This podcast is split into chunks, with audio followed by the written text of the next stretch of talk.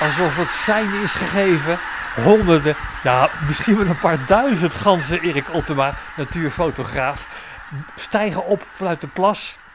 En nu kunnen we misschien een beetje zien waar we voor komen. Hè? Ja, de vliegleiding heeft blijkbaar aangegeven dat het uh, akkoord is om te gaan. En we zien nu dus, uh, nou wat zal het zijn, nog een, uh, een vijftigtaal, zestigtaal ganzen. En de rest zit nu in de lucht of is al vertrokken met nou, groot, groot lawaai ook, veel trompetten. Kunnen we eindelijk zien waar we voor komen. Ja. Zie jij al wat? Ja, we hebben helemaal achterin hebben we hem staan, de ZT59. De Flamingo die helemaal aan de westkant nu staat te fourageren. Die heeft nu de ruimte weer voor zichzelf. Waar moet ik ongeveer kijken? Nou, je hebt uh, hier vooraan uh, het eiland. Het eiland waar ook op gebroed wordt. Dat eiland ligt aan de zuidkant. Uh, we hebben helemaal aan de andere kant hebben we de westkant. En daar is hij nu aan het rondlopen. Hij heeft daar een plekje waar ook het water ondiep is. En waar hij nu dus de rustpunten kon geven voor, voor hemzelf. Want er was natuurlijk geen ruimte voor hem hier vooraan.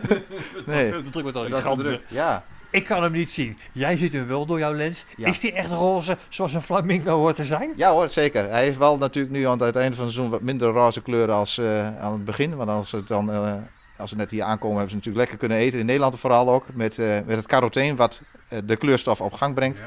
Ja. Met die lange poten door dat laagje water wat hier staat in het ven. Ja, klopt. Je ziet eigenlijk over het hele gebied dat het uh, allemaal even diep is. En dat is ook prettig voor die flamingo, want die kan dan met zijn kop naar beneden gaan lopend gaan, gaan eten. Want dat is wat ze doen. En ook heel veel ook, want het is rusten en eten eigenlijk met heel veel dieren. Maar de flamingo heeft dus een, een soort van ja, schepje als, als, als snavel. Waarbij hij dan nu in het water nu alles aan het zoeken is wat, wat voedzaam is voor hem. Flamingo ZT59 is gewond en kan daarom niet uh, ja, op, opvluchten, zullen we maar zeggen. Wat is er met hem gebeurd? Nou, dat is niet helemaal duidelijk. Uh, hij zal waarschijnlijk ergens tegenaan gevlogen zijn, waardoor zijn vleugel beschadigd is. Uh, dat heeft hij al vanaf het begin van het seizoen.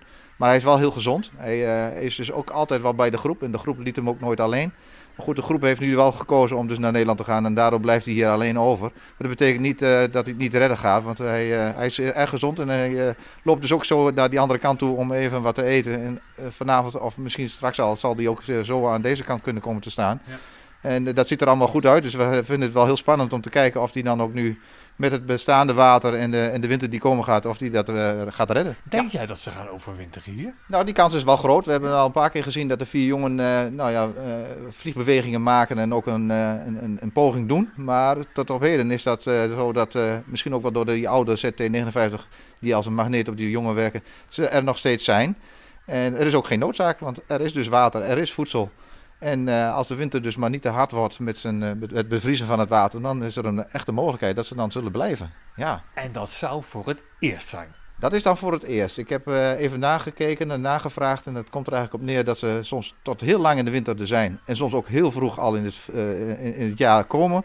Maar dat ze echt daadwerkelijk blijven, dat hebben we nog niet eerder gehad. Eindelijk nee. zie ik hem. En je kunt hem nu zelf ook zonder lens kun je hem inderdaad zien. Ja, ja. Daar komt hij. Daar komt hij. Flamingo ZT59. Is die roze of niet? hij is echt roze. En met die lange poten, die statige poten, stapje voor stapje. Ja, nou ja, is hij even aan, aan, het, aan, het, aan het fourageren. Ja, het zal me niks verbazen, want dat is straks door de lens voor onszelf nog wel te zien. Dat daar dan ook de jongen wel in de buurt zijn nu. Want ze zijn toch wel graag bij elkaar, zeker in de ochtend en in de avond. Dat is, voor hun is dat prettig. Het zijn sociale dieren. Een heel bijzonder gezicht. Ik moet er nog een beetje aan wennen. Flamingo's vlak voor mijn ogen op de grens van Nederland en Duitsland bij Groenlo. Ja, dat is, voor veel mensen is dat toch altijd weer een verrassing. Uh, voor mij is het natuurlijk, omdat ik het nu vaker gezien heb, niet meer een verrassing. En ik weet nu ook de wijze waarop ze leven en hoe ze zich gedragen.